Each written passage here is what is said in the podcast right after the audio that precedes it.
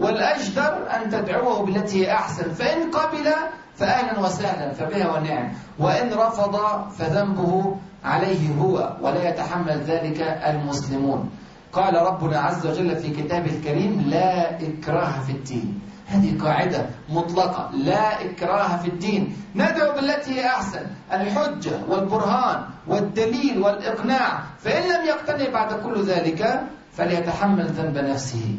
وكان رسول الله صلى الله عليه وسلم يتحرك شوقا إلى إيمان الناس ويتفطر قلبه عليهم فينزل قول ربنا عز وجل فلا تذهب نفسك عليهم حسرات وينزل قول ربنا عز وجل فلعلك باخع نفسك ألا يكونوا مؤمنين لا يلزمه سبحانه وتعالى بإجبارهم أبدا على تغيير دينهم مع أنه صلى الله عليه وسلم يعلم أنهم إن لم يطيعوه في أمر الإيمان كان مصيرهم إلى النار. ولكن لخير الأرض ولسلام الأرض ولهدوء الأرض لابد أن يكون هناك قاعدة واضحة لا إكراه في الدين. ولذلك قال ربنا عز وجل في كتابه الكريم فمن شاء فليؤمن ومن شاء فليكفر.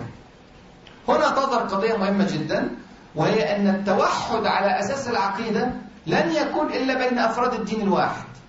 بين أفراد المبدأ الواحد فماذا لو حدث في بلد من البلاد ووجد أطياف مختلفة عقائد مختلفة؟ هنا لا يمكن أن يكون التجميع على أساس العقيدة مع وجود عقائد مختلفة لأننا عندنا قاعدة لا نغير عقائد الناس بالإكراه ولكن ندعوهم بالتي هي أحسن. إذا رفض أن يدخل في هذه العقيدة. إذا نتوحد كذلك لا نتفرق أبدا. ليست الفرقة مطلوبة بأي حال من الأحوال.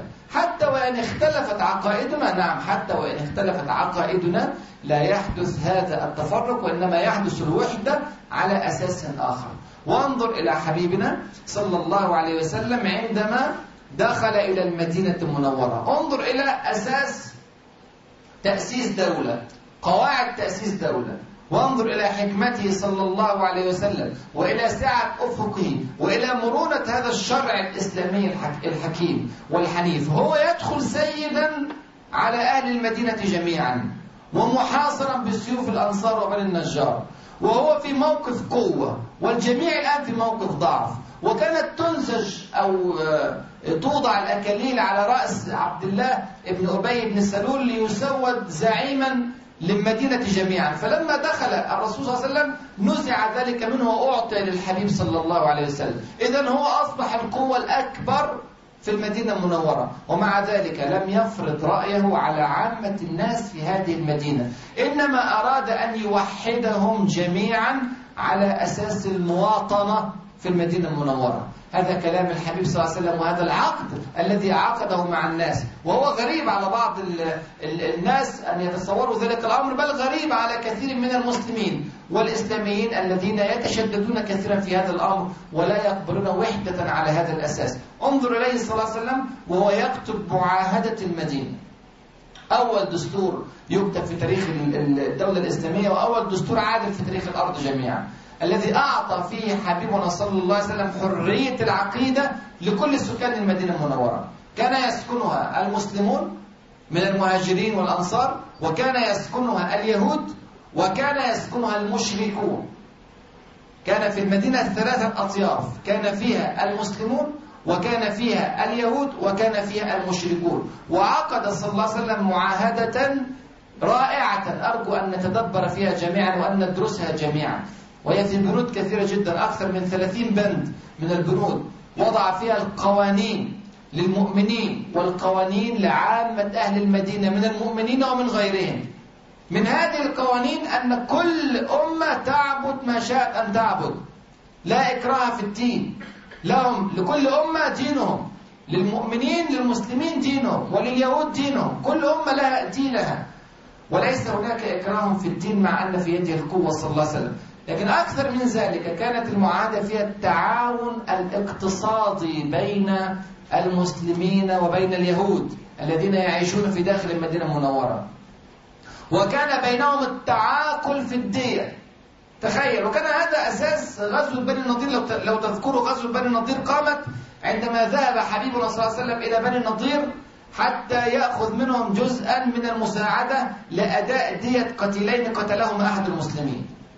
فالتعاون كان بينهما على هذا الأساس الاقتصادي. إن حدثت مشكلة أزمة اقتصادية تعرض لها أحد أفراد هذه المدينة المنورة هذه الدولة الناشئة فإن الفريق أحد الفريقين يساعد الفريق الآخر. إن احتاج اليهود ساعدهم المسلمون وإن احتاج المسلمون ساعدهم اليهود. على هذا التعاون الاقتصادي المبكر في إنشاء الدولة الإسلامية قامت هذه الدولة العظيمة دولة الإسلام. هذه قواعد يا إخواني متى توفرت للمسلمين أقاموها وبها تقوم الأمم وبها تسعى الأرض جميعا. بل إن الرسول صلى الله عليه وسلم تعاهد معهم على قضية دفاع مشترك عن المدينة المنورة. تخيل.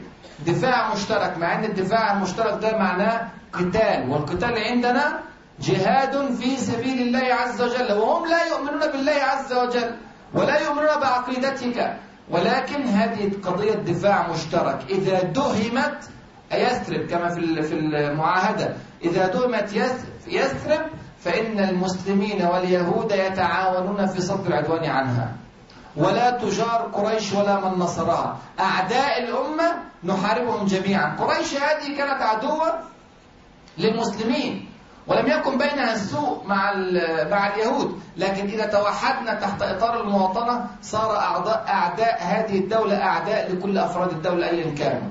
ولذلك عندما جاء الأحزاب إلى المدينة المنورة أسرع حبيبنا صلى الله عليه وسلم إلى بني قريظة من اليهود ليسدوا ثغرتهم ليدافعوا عن المدينة المنورة من جنوبها الشرقي. المنطقة اللي كان فيها ديار بني قريظة. ولم يجد في ذلك أي نوع من الغضاضة صلى الله عليه وسلم. وكان هذا عهد أقامه مع بني قريظة من أول أيام دخوله إلى بني إلى مدينة منورة. لكنهم خالفوا كما تعلمون وكانت العواقب كما نعلم جميعا في غزوة بني قريظة. خالفوا وخانوا وغدروا بالمسلمين. لكن الأصل الذي تعاقد عليه المسلمون مع هؤلاء كان التوحد في هذه المدينة المنورة على أساس المواطنة. كلنا يعيش في هذه الدولة. كلنا يرغب في تحسين اقتصاد هذه الدولة كلنا يدافع عن هذه الدولة على هذه المعاني قامت دولة الإسلام الأولى أسسها حبيبنا صلى الله عليه وسلم. ماذا كان العرب يا إخواني قبل هذه الأحداث؟ ماذا كان العرب قبل الإسلام؟ كانوا قبائل متناحرة لم يعرفوا في حياتهم الوحدة إلا على أطر محلية صغيرة جدا. قريش التي كانت يعني من أعظم القبائل أو هي أعظم القبائل قاطبة في العرب قريش لم تكن موحدة ودارت بين بطونها حروب شتى ولم يتوحدوا مطلقا ولكن عملوا اتحاد كونفدرالي هكذا يحكم مكة. عشرة عشر قبائل من كل قبيلة واحد يمثل شيء. سفارة السفارة في بني عدي وسقاية الحجاج في في بني هاشم وال وال والرعاية حمل الراية في بني عبد الدار وهكذا. كل واحد ماسك شيء وقسموه مع بعض وعملوا اتحاد كونفدرالي. لكن كل قبيلة مستقلة. ليس لأحد يعني فرض على أحد. ما حكمت مكة في تاريخها بإنسان. كل واحد متصارع مع الثاني لم يجمعهم إلا الإسلام عندما جاء ووحد كل هذه هذا الشتات. وكلنا يعلم الصراع الذي كان بين بني هاشم وبني مخزوم. ولم يسلم أبو جهل فقط لأنه كان من بني مخزوم وكان الحبيب صلى الله عليه وسلم من بني هاشم. وقال كنا وبني هاشم كفرسي رهان إذا إذا أطعموا أطعمنا وإذا سقوا سقونا وإذا كسوا كسونا فقالوا منا نبي يأتي الوحي من السماء فأن لنا بهذا فوالله لا نؤمن به ولا نصدقه. هكذا وهو من قريش يعني هو قرشي لكن انظر إلى العداوة التي كانت بينهما مع أنهما من أصل واحد قريب. كذلك كانت الصورة تماما بتمام في المدينة المنورة قبل أن يدخل الإسلام. لماذا جاء ستة من الخزرج؟ من المدينة المنورة إلى مكة المكرمة في موسم الحج في العام الحادي عشر من البعثة. ما الذي أتى بهم؟ الذي أتى بهم أنه في العام العاشر من البعثة قامت حرب بعاث كما تعلمون. وكادت المدينة المنورة أن تنتهي تماما. حرب بين الأوس وبين الخزرج قتل فيها سادات الفريقين وسالت فيها المدينة أنهارا. وتشرذمت المدينة وتفرقت وانتصر أو شمخ اليهود بأنوفهم لأن هؤلاء قاربوا على الانتهاء. دمر فريق فريقا آخر. هذه سعادة لهذه المدينة. وهم في الأصل من عرق واحد ومن أصل واحد. هم في النهاية جميعا من القحطانيين اليمنيين. فلماذا يفعلون ذلك؟ هذا لم ينظر إلى مصلحة الطرف الآخر لم يحترم كرامة الطرف الآخر لم يتعامل بالأخلاق الأساسية لم يتعامل بالاحتياجات الأساسية لم ينظر إلى الحرية إلى كل هذه الأمور. فكانت النتيجة هذه الدماء التي سالت في شوارع المدينة ولم يجمعوا إلا بالحكمة التي دخل بها حبيبنا صلى الله عليه وسلم عليهم بعد ذلك. جمع الله عز وجل بين قلوبهم حتى لم تدر الحرب في داخل المدينة المنورة. لا بين الأوس والخزرج من المؤمنين ولا بين الأوس والخزرج والخزرج من الذين آمنوا ومن الذين كفروا. قريش يا إخواني لقطت هذا هذه الوحدة العجيبة التي دارت في المدينة المنورة. رأت أن الرسول عليه وسلم بحكمة بالغة استطاع أن يوحد أطياف المدينة المنورة المختلفة الغريبة عن بعضها البعض. مهاجرون جاءوا من مكة المكرمة.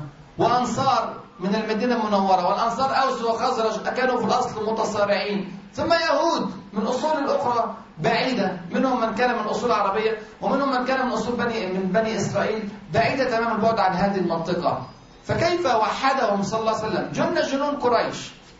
فأرسلت رسالة إلى عبد الله بن أبي بن سلول زعيم الخزرج قبل أن يسلم ظاهرا. هو طبعا بعد بعد ذلك أصبح زعيم المنافقين كان هذا بعد بدر. لكن قبل بدر أرسلت له رسالة وقالت له إنكم أويتم صاحبنا. الرسول صلى الله عليه وسلم إنكم أويتم صاحبنا وأويتم الصباح الذين ارتدوا عن دين الإشراق ودخلوا في هذا الدين الجديد الإسلام. وإننا إن ظللتم على هذه الحال أتيناكم بما لا قبل لكم به واستأصلنا خضراءكم. تهديد مباشر لوحدة المدينة المنورة. هنا عبد الله بن أبي بن سلول كانت تراوده أحلام الزعامة وهي تراود أفراد كثر وهؤلاء الأفراد من الممكن أن يدمروا الدولة بكاملها لكي يكون في الصدارة يكون في الزعامة. فلم ينظر عبد الله بن أبي بن سلول إلى وضع الدولة المستقر لم ينظر إلى تاريخها. لم ينظر إلى ثلاث أو أربع سنوات سابقة والدماء تسيل في كل شوارع المدينة. لم ينظر إلى الحالة المستقرة التي وصلت عليها المدينة المنورة إنما نظر إلى نفسه فقط. أراد فقط أن يعلي من شأن نفسه وأن يكون له زعامة فاستغلها فرصة. وبدأ يجمع انظر. لم يجمع الخزرج وإنما جمع الأوس والخزرج من المشركين. يريد أن يقيم حربا عقائدية فتنة طائفية في داخل المدينة المنورة. جمع الأوس والخزرج من المشركين ليحاربوا الأوس والخزرج من المؤمنين. فتنة طائفية من الدرجة الأولى. فعل ذلك وجمعهم وكادت الحرب أن تقوم في داخل المدينة المنورة. الحرب الأهلية الطائفية يا إخواني من أخطر الحروب على الشعوب. لأن كل شعب في داخل حرب داخلية كل يرى عورات غيره. وكل يعلم دقائق غيره فتنهار الأمة وتضيع الأمة وتهلك الأمة. فقام حبيبنا صلى الله عليه وسلم مسرعا. اهتم اهتماما شديدا بهذا الأمر. وقام وماذا قال لهم؟ لما رأى الأوس والخزرج من المؤمنين يقفون في جانب والأوس والخزرج من المشركين يقفون في جانب ماذا قال لهم؟ لن أقول لكم ما قال لهم في هذه اللحظة ولكن أخذ لقطة أخرى. أحدثكم فيها عن رد فعله صلى الله عليه وسلم ثم أعود إلى هذا الموقف لتروا التباين بين الموقفين ولتعلموا حكمته صلى الله عليه وسلم في التعامل مع الأمور. في موقف آخر حدثت الحرب بين الأوس والخزرج أو كادت أن تحدث. لما قام شاس ابن قيس. أنا فاضل لي قد إيه في الوقت بتاعي؟ تلت ساعة؟ ما عادش فاضل لي غير أربع ساعات في المحاضرة بتاعتي. تلت ساعة ماشي هحاول إن شاء الله. طب فكرني قبلها بساعتين. فكنا بنقول إيه آخر ما قبل ما فكرت؟ شاس بن قيس اليهودي شاف إن الأوس والخزرج قعدوا مع بعض في وحدة وعمره ما شاف الكلام ده قبل كده. قال كلمة غريبة جدا احفظوها. قال كلمة غريبة جدا. قال لو اجتمع بني بنو قيلة بنو قيلة هم الأوس والخزرج ما أصبح لكم مقام يا يهود في المدينة؟ شوف النظر لو اتحد المسلمون مع بعضهم البعض لن يبقى لليهود مكان. يا ريت نحفظ الكلمة ديت. يا ريت نعرف إن بقاء العدو في بلادنا مرهون بفرقتنا وأن وحدتنا كفيلة بطرد الأعداء عنا. قاعدة قالها يهودي وهي قاعدة صحيحة. كلمة صحيحة قالها. ولذلك أرسل رجلا يذكر الطرفين بيوم بعاث فأرسل شابا صغيرا. اليهود عمرهم ما يخشوا في الصورة.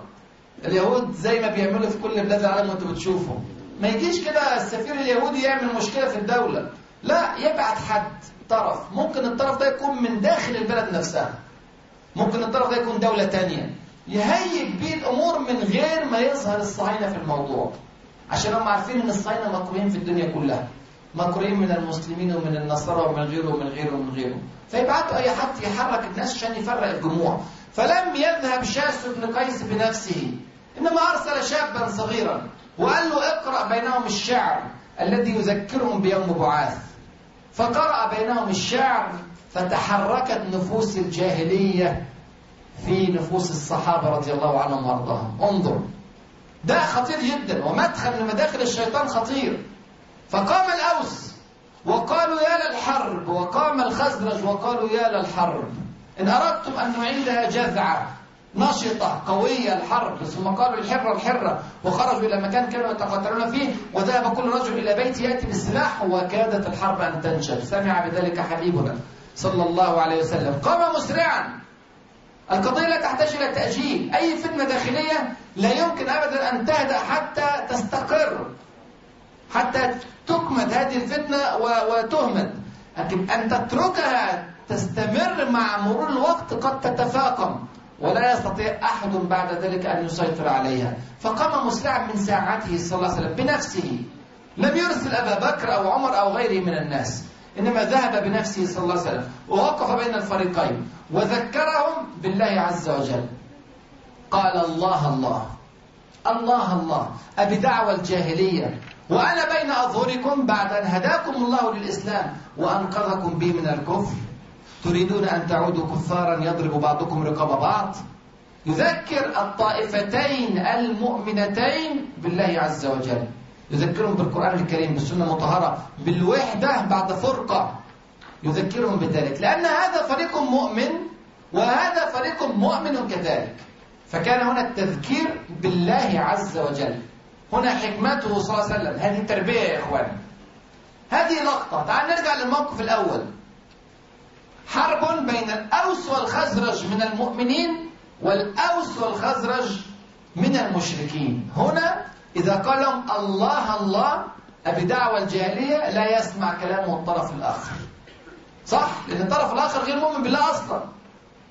ولم يستنقذ من الكفر إلى الإيمان ولم يهدى إلى الإسلام فليست هذه لغة الخطاب مع قوم تختلط فيهم العقائد إنما خاطبهم بلغة المواطنة ماذا قال لهم صلى الله عليه وسلم؟ قال تري ما كانت قريش اسمع للكلمات قريش عدو لكل الدولة. عدو خارجي جاي من بره يريد الكيد لهذه الدولة. قالت ما كانت قريش لتكيدكم بأشد مما تكيدون به أنفسكم. ده قريش لو جت تحاربكم مش هتعمل زي ما بتعملوا في نفسكم. تريدون أن تقتلوا إخوانكم وأبناءكم؟ لم يلمس هنا قضية الإيمان ولا قضية الإسلام ولا قضية العقيدة لم يضغط على هذا الوتر لأن هناك أعراق مختلفة عقائد مختلفة كل يعبد إلهه. المؤمنون يعبدون الله عز وجل وهؤلاء يسجدون للأصنام من دون الله. ومع ذلك وجد مشتركا يجمعهم. فقال لهم تريدون أن تكيدوا أنفسكم بأكثر مما تريد أن تكيدكم به قريش تريدون أن تقتلوا أولادكم وأبناءكم فوضع القوم سيوفهم. كانت لهم عقول. فكروا نعم قريش هي المستفيدة من هذا الأمر. قريش سيكون لها علو في الجزيرة العربية وستختفي صولة وجولة الأوس والخزرج بصرف النظر عن إيمانهم أو كفرهم. هنا يلمس الرسول صلى الله عليه وسلم الجزء القبلي الموجود عندهم. جزء المواطنة دولة معادية. دولة قريش تريد أن تكيد لكم. فتسمعون كلامها وتفرقون دولتكم فوضع القوم سيوفهم وخمدت الفتنة. هذه حكمة يا إخواني وأخواتي في التعامل مع مثل هذه المواقف وهذه وحدة حرص عليها صلى الله عليه وسلم بكل صورها في كل مواقفه صلى الله عليه وسلم كان يحرص على الوحدة بين المسلمين وبين من معهم في وطنهم. وعلى فكرة يا إخواني وأخواتي ليس هذا مبدأ إسلاميا فحسب. إنما هو مبدأ ترتضيه فطرة الإنسان العاقل في كل الدنيا. مبدأ الوحدة. والوحدة قوة لا يجادل في ذلك أحد. وليست أمثلتنا فقط من الحضارة الإسلامية ولا من السيرة النبوية ولا من حياة المسلمين ولكن في شتى أنحاء العالم انظروا إلى الدول التي قامت تجدونها قامت على الوحدة والتي سقطت سقطت على الفرقة انظروا مثلا إلى الولايات المتحدة الأمريكية لماذا هي دولة قوية؟ أسباب طبعا كثيرة جدا لكن من ضمن هذه الأسباب الرئيسية أن اسمها الولايات الإيه؟ المتحدة الأمريكية. واضحة. أمريكا يا إخواننا 52 ولاية. كل ولاية تكون مقام دولة. كل ولاية فعلا بحجم دولة وأكبر من دول كثيرة جدا في الأرض. يعني الولايات الأمريكية بعض الولايات الأمريكية أكبر من دول عملاقة من دول الأرض. فتخيل 52 دولة متحدين مع بعضهم البعض. لما تسافر أمريكا تلاقي أنت ماشي في جو صقيع في شمال نيويورك أو في شيكاغو أو في نيو هامشير أو في الولايات الشمالية فيرمونت وغيرها وتنزل تحت في الجنوب في تكساس ولا في فلوريدا ولا في نيو مكسيكو ولا في أريزونا حر شديد.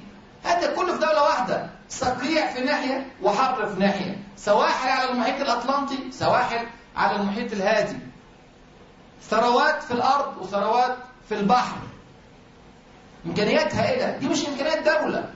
دي إمكانيات 52 دولة. قبل ما يتوحدوا كانوا إيه؟ مين كان يسمع عن أمريكا قبل ما تتوحد؟ مين كان يسمع عن أمريكا ألف قبل ألف سنة آه قبل سنة 1776 لما توحدت في حاجة اسمها الولايات المتحدة عايز يقع ما أعرفش. هو عايز يقع. خلاص. أو أنت حد موصيه عشان ننهي المحاضرة يعني. فالولايات المتحدة الأمريكية أحد أكبر أسباب قوتها أنها متوحدة. ولو تفرقت لسقطت.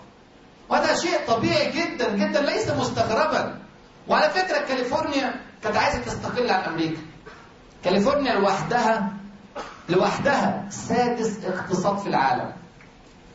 كولاية لوحدها لو حسبت اقتصادها لوحدها سادس ولاية سادس اقتصاد في العالم. يعني أمريكا أول اقتصاد في العالم وراء الاقتصاد الياباني وغيره وغيره ست يعني لو خدنا بقى كاليفورنيا لوحدها يصبح ناتجها سادس اقتصاد في العالم لكن شافت إن هي لو انفصلت عن أمريكا ستصبح مجرد اقتصاد قوي لكن ليس له راي وليس له قوة في العالم وستصبح مثل اليابان أو كوريا اقتصاد قوي لكن ليس له رأي في الدنيا.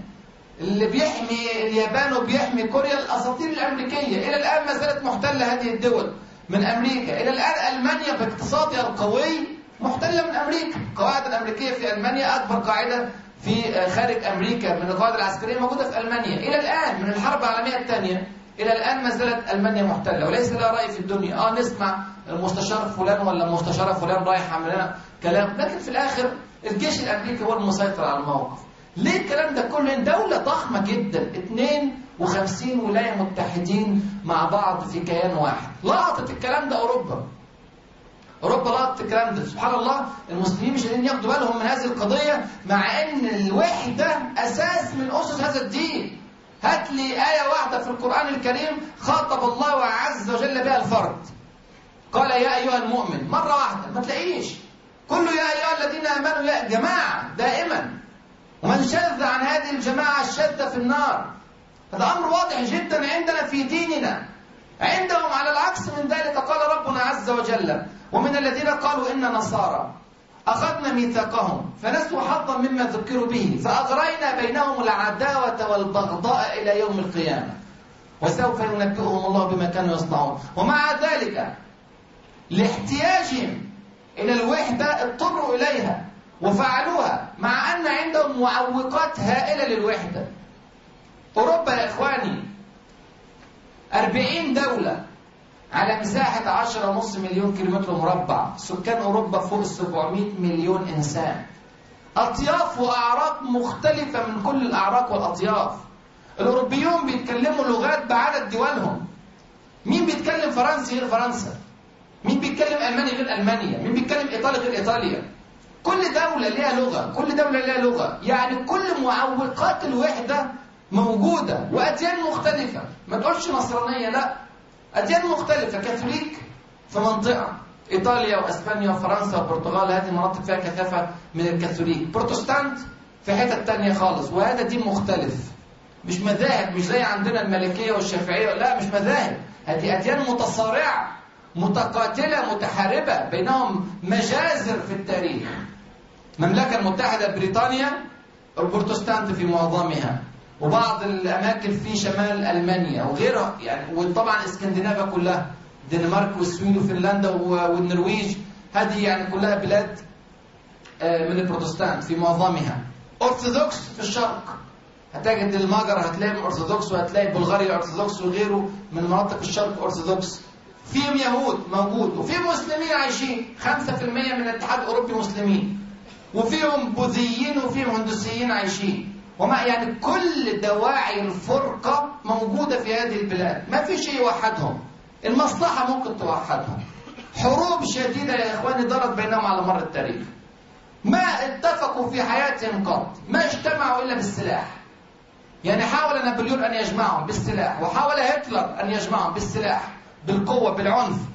ما توحدوا أبدا على أساس فكري. الدعوة الفكرية الوحيدة التي كانت عندهم للتجمع قام بها فيكتور هوجو. وهو أو هو أحد المفكرين الغربيين سنة 1851 ولم تلقى أي رد فعل من الأوروبيين. غير كده الحروب شغالة بينهم. فرنسا وإنجلترا من أشد الدول عداء في التاريخ. كلنا يعرف المعارك الطويلة التي دارت بينهم سواء في أوروبا أو في أماكن المستعمرات التي كانوا يحتلونها في مشارق الأرض ومغاربها. ومع ذلك حرب عالمية أولى وحرب عالمية ثانية وتدمير كامل للبنية التحتية. الحرب العالمية الثانية كم واحد ماتوا فيها؟ متخيلين الرقم؟ 50 مليون بني آدم. 50 مليون. في شعوب ما تجيبش هذا الرقم ولا تقرب منه. 50 مليون ماتوا في ست سنين في الحرب. خرجوا يكرهون بعضهم تمام الكراهية. ليس عندهم ما عندنا من ألفة سابقة أو من وحدة سابقة أو من حياة سابقة مشتركة أو كذا وكذا. ومع ذلك عندما خرجوا ماذا فعلنا؟ دمرنا بعضنا البعض وهلكنا وظهر نجم. الاتحاد نجم الولايات المتحدة الأمريكية ونجم الاتحاد السوفيتي. بعد الحرب العالمية الثانية ظهر نجمان.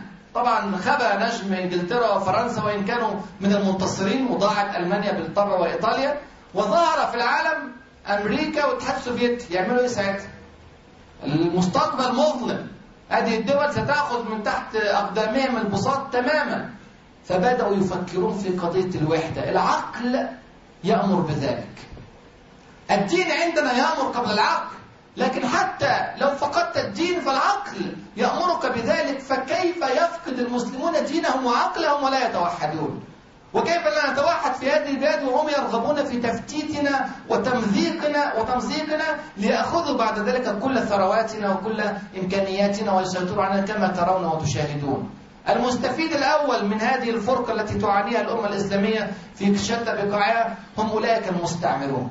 هؤلاء هم الذين يستفيدون استفادة أولى. والجميع في البلاد المفرقة هذه خسران. الجميع خسران يا إخوان.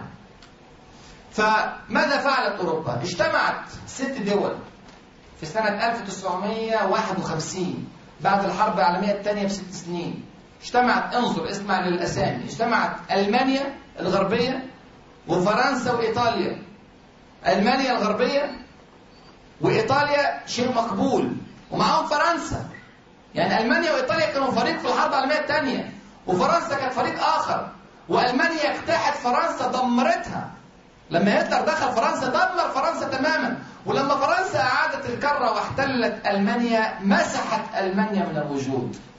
لدرجة أنهم كانوا بيكسروا السكك الحديد الموجودة في ألمانيا عشان ياخدوا الخشب اللي واصل بين ال القضبان الحديد ياخدوه يتدفوا بيها في باريس. يحرقوها. يعني شوف قد إيه الغيظ والحقد دمروا الدولة تماما. دوسلدورف دي قتلوا فيها في سنة 45 200 ألف مدني. التدمير ما كانش من جانب ألمانيا بس. إحنا طبعا عشان آه، إنجلترا وفرنسا هم اللي انتصروا فإحنا بنسمع إعلامهم. لكن ما بنسمعش الإعلام الألماني. لكن الاثنين دمروا بعض وأهلكوا في بعض. ومع ذلك مع كل هذه العداوة بعد ست سنين فقط من الحرب العالمية الثانية توحد هؤلاء في كيان واحد. عملوا جمعية اسمها جمعية الفحم والفولاذ سنة 1951 فرنسا وإيطاليا وألمانيا الغربية ومعاهم هولندا وبلجيكا ولوكسمبورغ ست دول. سنة 51 وفي سنة 58 عملوا ما يسمى بالسوق الأوروبية المشتركة. برضه هم نفس الست دول دول سنة 58 أول الغيث قطر ثم ينهمروا. هم لسه ست دول وإمكانياتهم ضعيفة بالقياس إلى بقية الدول لكن بكرة ممكن تكون القوة أكبر. بعدها ب 15 سنة سنة 73 انضمت إليهم بريطانيا والدنمارك. بعدها بثمان سنوات سنة 81 دخلت اليونان. وبعدها سنة 89 بدأت بقى تخش الدول الثانية واحدة ورا الثانية دلوقتي 27 دولة ولعلهم أكثر. كل يوم بتخش دولة. 27 دولة من أصل 40 سكان الاتحاد الأوروبي اللي تكون أكثر من نص من من نص بليون يعني حوالي 500 مليون من أصل 700 مليون سكان أوروبا. يعني خلاص بقت دولة واحدة. وعملوا قوانين جديدة فريدة على الدنيا كلها. عملوا خمس ساعات بس؟ خمس دقائق. عملوا قوانين جديدة تناسبهم. عملوا ما ينفعهمش الاتحاد الفيدرالي ما ينفع ما ينفعهمش يبقى رئيس واحد على الجميع. نشوف إيه النظام اللي يمكن ينفع بس لازم نتوحد. والله العظيم الواحد بيأتي في قلبي حسرة شديدة عندما يكون راكب السيارة ماشي من فرنسا وداخل على آه، ألمانيا. وعدي ما اكتشفش إن أنا في ألمانيا إلا بعد ما أشوف اليوفط مكتوب باللغة الألمانية. لا في جمارك ولا في مرور ولا في أي حاجة. أنت داخل من دولة لدولة عادي جدا. وتطلع من ألمانيا تخش إيطاليا نفس القصة. وتطلع من فرنسا تخش أسبانيا نفس القصة. إيه ده؟ ده فكر ده. ناخذ هذه الحكمة ونطبقها ونحن عندنا في صميم ديننا. إزاي لما تخش دولة تانية من الدول الإسلامية من دولة لدولة لازم الباسبور وبعض الدول بتاخد فيزا تضطر تاخد فيزا وممكن ما تاخدهاش. مشاكل كبيرة جدا. ونحن جميعا من المسلمين. ونحن جميعا لنا تاريخ مشترك ولنا لغة مشتركة ولنا أرض مشتركة ولنا فوق كل ذلك عقيدة مشتركة. وحتى وإن لم تتوحد عقيدتنا مسلمين ونصارى وحتى غير دينيين أصلا موجودين في هذه الأمة بيننا قواعد مشتركة ومشتركات إنسانية كثيرة وهائلة أكثر بكثير مما سعت إليه أوروبا في اتحادها الأوروبي أوروبا التي سعت في هذا الاتحاد هي التي تزكي نار الفرقة في هذه البلاد. القاعدة الإنجليزية المشهورة فرق تسد فرق تسد احفظوها. من الذي يكسب إذا انفصل الجنوب عن الشمال؟ من, ال... من الذي يكسب في النهاية الكل خسران يا إخواني هنا. الذي يكسب خارج البلاد. الكل خسران. دولة لا تملك مقاومات دولة ستصبح دولة ضعيفة والدولة الأخرى تضعف بضعفها ويتصارع الطرفان مع بعضهما البعض وتحدث المشاكل بين الطرفين. من المستفيد؟ من الذي قال فرق تسد وطبق هذه القاعدة؟ من الذي يغري أحد الطرفين الآن بإكمال المسير ناحية الانفصال؟ أليس هؤلاء الذين كانوا يستعبدون أهل إفريقيا منذ عدة عشرات من السنوات فقط؟ أليسوا إلى الآن الذين يستنزفون ثروات إفريقية من الذهب ومن البترول ومن الماس؟ ينظر المسلمون الأمور بعقولهم ولكن ينظرون بعقول الصهاينة وبعقول الأمريكيين والأوروبيين إلى مصالحهم. شيء غريب جدا. هم يخططون على الملأ هكذا ليل نهار وعلى وسائل الإعلام. نحن نرى كل ذلك ولا ننتبه إليه ونسير نحو هوية سحيقة. يا إخواني هذا الانفصال الذي يخطط له. والله هذا الانفصال فيه خسارة للجميع. ليس فيه ينتصر إلا بعض الأفراد ولفترة محدودة. أمريكا وأوروبا واليهود لا يحبون هذه البلاد لسواد عيون أهلها إنما يحبونها لثرواتها ولكنوزها ولمشاكلها التي تسببها لهم من إسلاميتها أو من توجهها. أو من سيطرتها على أماكن استراتيجية أو من عمقها الاستراتيجي في أفريقيا أو من كذا أو كذا أو كذا. الخير كثير والحمد لله في هذه البلاد. هم ينظرون إلى ذلك ويرتعبون ولا ينامون ليل نهار. رئيس موظفي البيت الأبيض كان قائم بحملة زي ما كنت كتبت في المقال بتاعي آه، قصة دارفور على موقع islamstory dot com راجعوه على islamstory dot com كانت عمل حملة في أمريكا كان يعني يطرق بنفسه على أبواب البيوت يجمع التبرعات لأطفال دارفور وهو الصهيوني آه، تقنعوني أن هذا الصهيوني يتفطر قلبه على أطفال دارفور؟ هل هذا عقل يا إخواني؟ ولا هذا الإنسان يحاول أن يفتت هذا البلد. ماذا فعل هذا الرجل لأطفال غزة المحاصرين من الصهاينة؟ ماذا فعل؟ لم يتحرك ولم يتكلم كلمة واحدة. لماذا قاد هذه الحملة؟ لأنه يريد تفكيك هذا البلد وتفتيته. الجنوب في مكان ودارفور في مكان والشرق في مكان والنوبة في مكان وبعد ذلك شتت ومزق هذا البلد الإسلامي العريق الأصيل الكبير بكل إمكانياته وثرواته. هم يفعلون ذلك ويخططونه على الملأ ولا بد للمسلمين ولغير المسلمين من سكان هذا البلد أن ينتبهوا إلى ما يخطط إليهم. الصورة التي توحدنا ليست هي المشكلة. من الممكن إذا جلسنا مع بعضنا البعض وفي قلوبنا الإخلاص للوحدة والتجمع على المشتركات الإنسانية الكثيرة التي تجمعنا فلا شك أننا سنجد صورة مناسبة للوحدة ترضي كل الأطراف وتحافظ على كرامة الإنسان في الشمال وفي الجنوب وتحفظ احتياجات الإنسان في الشمال والجنوب وهذا في النهاية قوة لهذا البلد وقوة للعالم العربي وقوة للعالم الإسلامي وقوة الأفريقية كلها وقوة لبني الإنسان. أسأل الله عز وجل أن يفكرنا في سننه وأن يعلمنا ما ينفعنا وأن ينفعنا بما علمنا. إنه ولي ذلك والقدر عليه. السلام عليكم ورحمة الله وبركاته.